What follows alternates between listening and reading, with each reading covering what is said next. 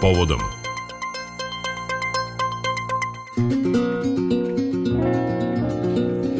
10 sati, 10 minuta, dobrodošli na Talas Radio Novog Sada, drugi sat prepodnevnog programa stigli smo do naše rubrike Povodom u kojoj govorimo danas o izmenama koje ove godine očekuju mame na porodiljskom odsustvu, buduće majke i evo vest koja je stigla pred sam kraj godine, ministarka Darija Kisić e, je rekla da se očekuje da će sredinom 2023. godine biti usvojen zakon po kome se porodiljsko odsustvo za prvo dete produžava sa 12 na 15 meseci, a za drugo na 18 meseci meseci. Šta će doneti ova najavljena novina, ali s druge strane i koje izmene zakona o finansijskoj podršci porodici sa decom još predstoje. O svim tim novinama razgovaram sa mojom gošćem, Jasminom Ihnjak, psihološkinjom i e, pa da kažem ženom koja je e, mnogo doprinela razvoju portala Bebac. Hvala što si e, ovde. Hvala tebi Tamara što si me pozvala i dobro jutro svim slušalcima. Hajde da krenemo o tom najavljenom produženju početku porodijskog odsustva, ta vest je onako baš odjeknula. E, šta će doneti? Da prvo govorimo o tim pozitivnim stranama, zašto je to značajno? Pa mi negde mislimo da je ovo e, mera koja će najviše da se oseti e, u, u svetu roditelja, posebno u svetu mama i mislim da je to razlog zašto je tako i odjeknula.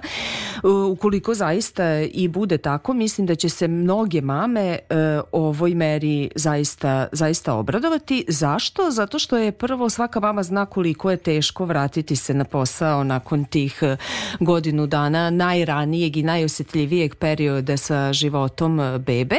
Eh, a onda kada treba da se vrate na posao, tu nastaju brojni problemi, tako da negde vidimo i ovu meru kao opet, nažalost, e, neki vid kompenzacije za nešto drugo što ne valja i što nije uređeno. Ovde je to problem sa vrtićima. Mm.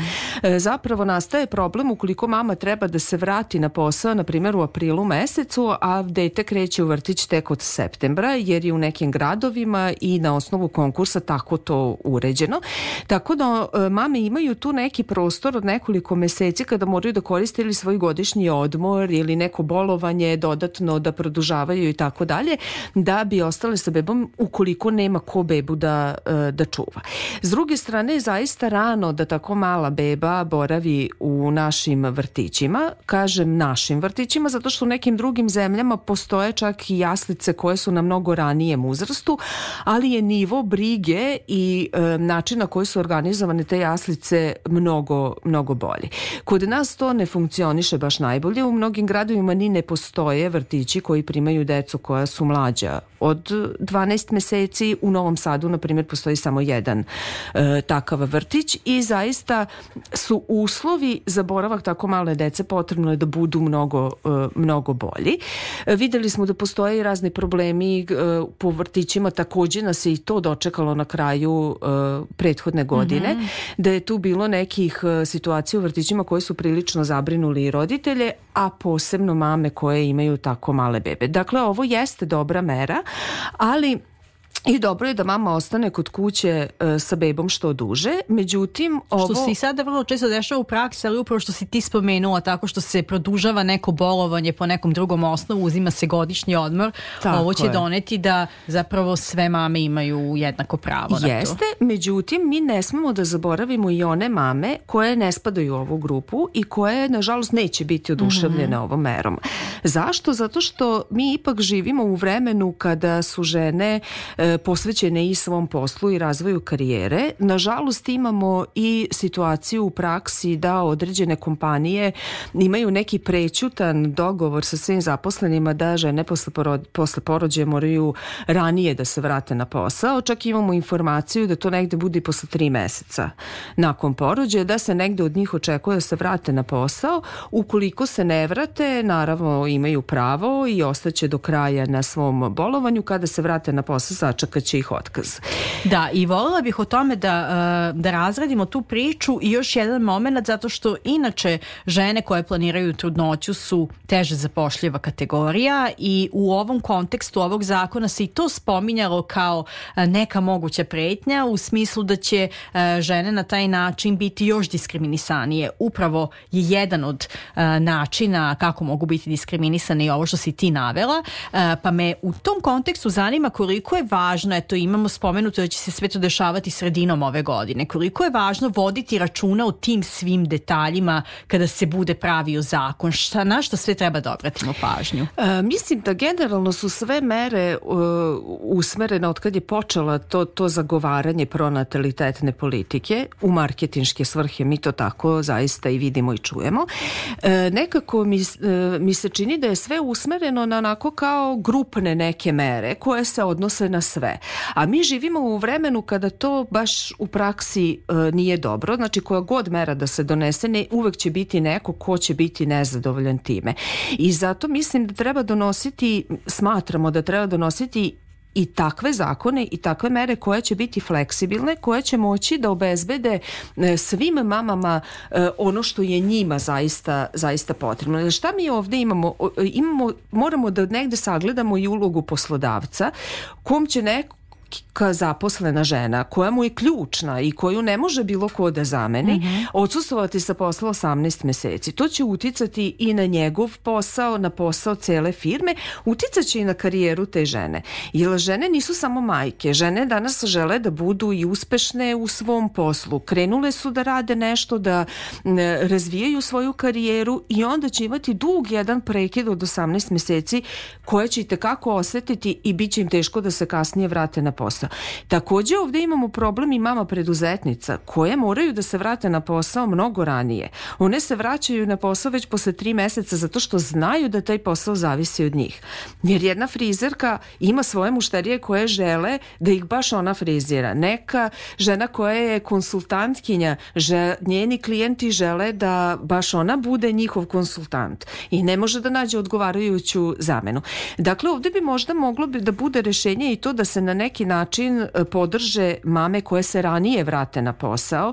To bi bila jedna mera koja bi bila dobra i za žene i za poslodavce, da na primer žena kad god odluči da se vrati na svoj posao, bila na preduzetnica ili zaposlena kod poslodavca, da ona dobije neku naknadu ili da se recimo poslodavac oslobodi nekih poreza i doprinosa, da, da dobije ne, ne neki finansijski benefit jer zapravo država će tu da uštedi ako ona se ranije vrati na posao. Znači da postoji i ta neka opcija fleksibilnosti mm -hmm. za sve one mame koje ipak žele da se ranije i pre isteka tih 15 ili 18 meseci vrati na posao.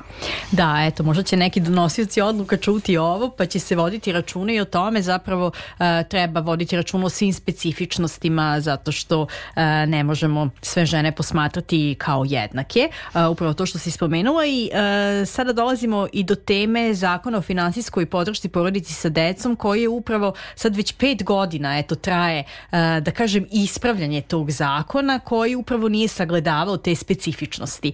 E, inače, zakon je pa da kažem mnoge žene ostaju sa samo nekoliko hiljada primanja. Pričali smo o tome svih ovih godina. Ono što je najnovije jeste da je član 17 tog zakona, ne ceo član, stav 4 proglašen neustavnim. To je ono što je najnovije u vezi sa tim zakonom, pa možda o tome da nas informiše šta je tu neustavno i zašto je važno što je proglašeno neustavnim. E, taj član se takođe odnosi na dužinu trajana odsustva e, odnosno dužinu trajanja naknada e, za e, povodom rođenja deteta. To je sada malo komplikovano zato što su određene mame svrstane u neku drugu kategoriju u odnosu na mame koje su u radnom odnosu. Znači te mame koje su koje nisu zaposlene, ali su imale neke mesece radnog staža u prethodnom periodu, tu spadaju i mame preduzetnice, one nemaju pravo na, zapravo na naknadu tokom porodiljskog odsustva i odsustva radi nege nege deteta, već dobijaju naknade na osnovu rođenja deteta i ukoliko rode treće dete, one i dalje imaju pravo samo na godinu dana odsustva za razliku od mama koje su u radnom odnosu, koje imaju pravo na dve godine odsustva sa, sa posla. Mi pretpostavljamo da je zbog toga Ustavni sud i doneo ovaj, odluku da je ovo neustavna odredba zato što diskriminiše sve ove mame koje spadaju u, u tu grupu. Um, Ono što je, kada je zakon o finansijskoj podršci porodici e, u, u pitanju, najproblematičnije jeste što te sve izmene traju toliko dugo. E, onog trenutka kada je taj zakon uvideo svetlost dana, mi smo skrenuli pažnju na to, na sve one odredbe koje su i neustavne i koje su e, diskriminišuće, diskriminišuće i nisu fair i nisu na strani, nisu na strani roditelja. Učestvovali smo i u pisanju e, predloga predloga izmena tih svih zakona koji su odmah tada na početku 2000, jula 2018. godine predate e, premijerki e, Ani Brnabić i njenom kabinetu.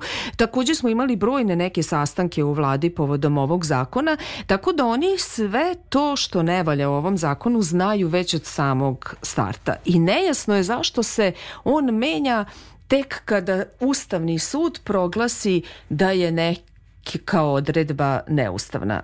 Znači, ako oni žele da slušaju zaista roditelji i žele da slušaju majke i da naprave takav zakon koji će biti zaista, kao što mu ime kaže, podrška porodici, onda su to trebali da menjaju davnih dana, jer za sve ove godine je broj, ja, ogroman broj zapravo roditelja koji su uskraćeni za odgovarajuću pomoć i podršku koja im je e, neophodna i zapravo svih ovih godina e, važi zakon koji je e, koji prosto nije fair. Tako da sad sve ove izmene, ono što nas posebno negde, ne samo nas kao portal Bebac, već i sve roditelje posebno ljuti u svemu tome, jeste što se svaka ta izmena slavi i svaka ta izmena se doživljava kao da sad oni nešto dodatno čine. Eto sad ćemo mm još da činimo i to sad sve sa predsednikom koji uvek dođe prvi da nam saopšti te neke vesti.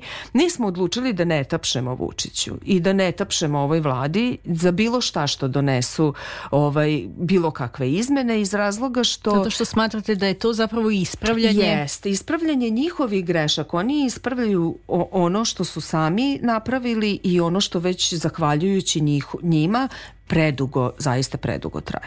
Hajde da se osvrnemo ukratko, to je zaista kompleksna priča, ceo zakon, bilo je mnogo reči o tome u medijima, ali možda da nas podsjetiš ukratko na sve te greške, da ih tako nazovemo, koje su ispravljene. E, ono što je ispravljeno i što je negde možda najvažnije jeste da sada žene, barem tokom prva tri meseca, ne dobijaju one mizerne naknade od 1000 ili 2000 dinara. Međutim, evo sada imamo i to povećanje perioda odsustva roditeljstva radi nege deteta i ako žena bude 18 meseci odsutna sa posla i bude dobijala samo prva 3 meseca minimalac, a kasnije 3-4 hiljade dinara, jasno je da će ta žena da se ipak vrati e, na posao. Dakle, i dalje je to postoji ta vrsta nepravde. Ako nam odsustvo traje 11-12 e, meseci, onda tokom svih 12 meseci je neophodno da svaka mama dobije barem, barem minimalnu naknadu. Ono što nažalost nije ispravljeno i što smo mi predlagali, da e, se skrati taj period e, koji ulazi u obračun naknade, jer je 18 meseci izuzetno dug vremenski period, pogotovo u Srbiji da se često menja posao, gde je teško da se dođe do stalnog nekog zaposlenja zaposlenja, dakle da se smanji na 12 meseci kao što nalaže i konvencija o zaštiti materinstva koja kaže čiji smo mi potpisnici i koja kaže da taj period ne sme da bude duži od 12 meseci i ono što je takođe bio naš predlog da se obračunava jednako kao i naknada na trudničkom bolovanju, a to znači da u tih 12 meseci ukoliko žena ima neki mesec koji je uleteo da, da nema primanja, mm -hmm. da se ne računa kao 0 dinara već da se računa kao minimalac. To je najpravednije rešenje zato što bi donelo, dovelo do toga da svaka žena dobija barem minimalac, a da opet e, igra ulogu i to koliko je ona meseci radila. Ukoliko je radila šest meseci i imala neku veću platu, za te mesece se neće računati minimalac, nego će se računati plata kako je imala, a za ostatak će se računati e, minimalna zarada. Dakle, ima još posla u vezi sa popravljanjem e, ovog zakona i unapređenjem e, dobre strane tog zakona donele su upravo ta, te jednokratne pomoći za prvo, drugo e, i treće dete, ali bih voljela i to da sagledamo sad u kontekstu brojnih poskupljenja. Znamo da je taj period majčinstva vrlo e, inače izazovan i težak i psihološki, ali i finansijski, pa e, koliko je zapravo sve ovo što se dešava suočava sa jednom krizom, covid krizom, pa zatim ratom u Ukrajini, brojnim poskupljenjima, energetskom krizom uticalo na odluku o, o materinstvu i koliko je to pojačalo stres majkama? E, izuzetno. E, trudnoća je sama po sebi jedan e, izazov za celu porodicu, ali to je jedna razvojna kriza koja je dobra. Kad je raz, kriza razvojna, to znači da mi rastemo tokom prevladavanja te, te krize, ali kada se sa njom umešaju i ove nerazvojne krize sa kojima se svakodnevno suočavamo, e, to donosi zaista e, brojne probleme e, porodicama. Finansijski stres, baš smo skoro i radili jednu priču o tome koliko finansijski stres ima uticaja tokom trudnoće i na, na sam razvoj deteta, govori o tome koliko je zapravo naš naša populacija, to ne pričam samo o Srbiji, nego zapravo o celoj e, Evropi i svim razvijenim e, ovaj, zemljama, E, koliko je zapravo nama ta finansijski moment izuzetno bitan. To je kao ako pričamo o nekim fiziološkim pot, ako pričamo o potrebama čoveka, pa su fiziološke potrebe ono prvo što moramo da zadovoljimo, tako je i ovo kada rodimo bebu, kada samo donesemo odluku da ćemo da proširimo svoju porodicu, najbitnija stavka je negde da osjećamo neku finansijsku stabilnost. E, u Srbiji, nažalost, postoji ogroman broj ljudi koji je stalno u nekoj finansijskoj krizi krizi. Da li je to zbog covid -a? Da li je to zbog gubitka posla? Da li je to zbog sada ovog enormnog poskupljenja? Da li je to zbog toga što imamo posao, ali se plašimo da ćemo taj posao da izgubimo? Ali su sve to stresovi koji u ogromnoj meri utiču na, na ljude u Srbiji, a posebno na osetljivu kategoriju trudnica, odnosno porodica koja tek treba da, da, dobiju, da dobiju dete. Da, i u svakom slučaju e, onda jesu važne te odluke koje donosi država i treba da donosi e, država da se žene u tom periodu života dodatno e, zaštite. Hvala mnogo Jasmina na ovom razgovoru. E, biće prilike da se čujemo i sredinom godine, da vidimo da li će zaista e, biti produženo to porodijsko odsustvo, pod kojim uslovima i šta će sve doneti ta izmena pa da onda uh, i dalje debatujemo i nadam se saopštimo neke lepe vesti. Dogovoreno.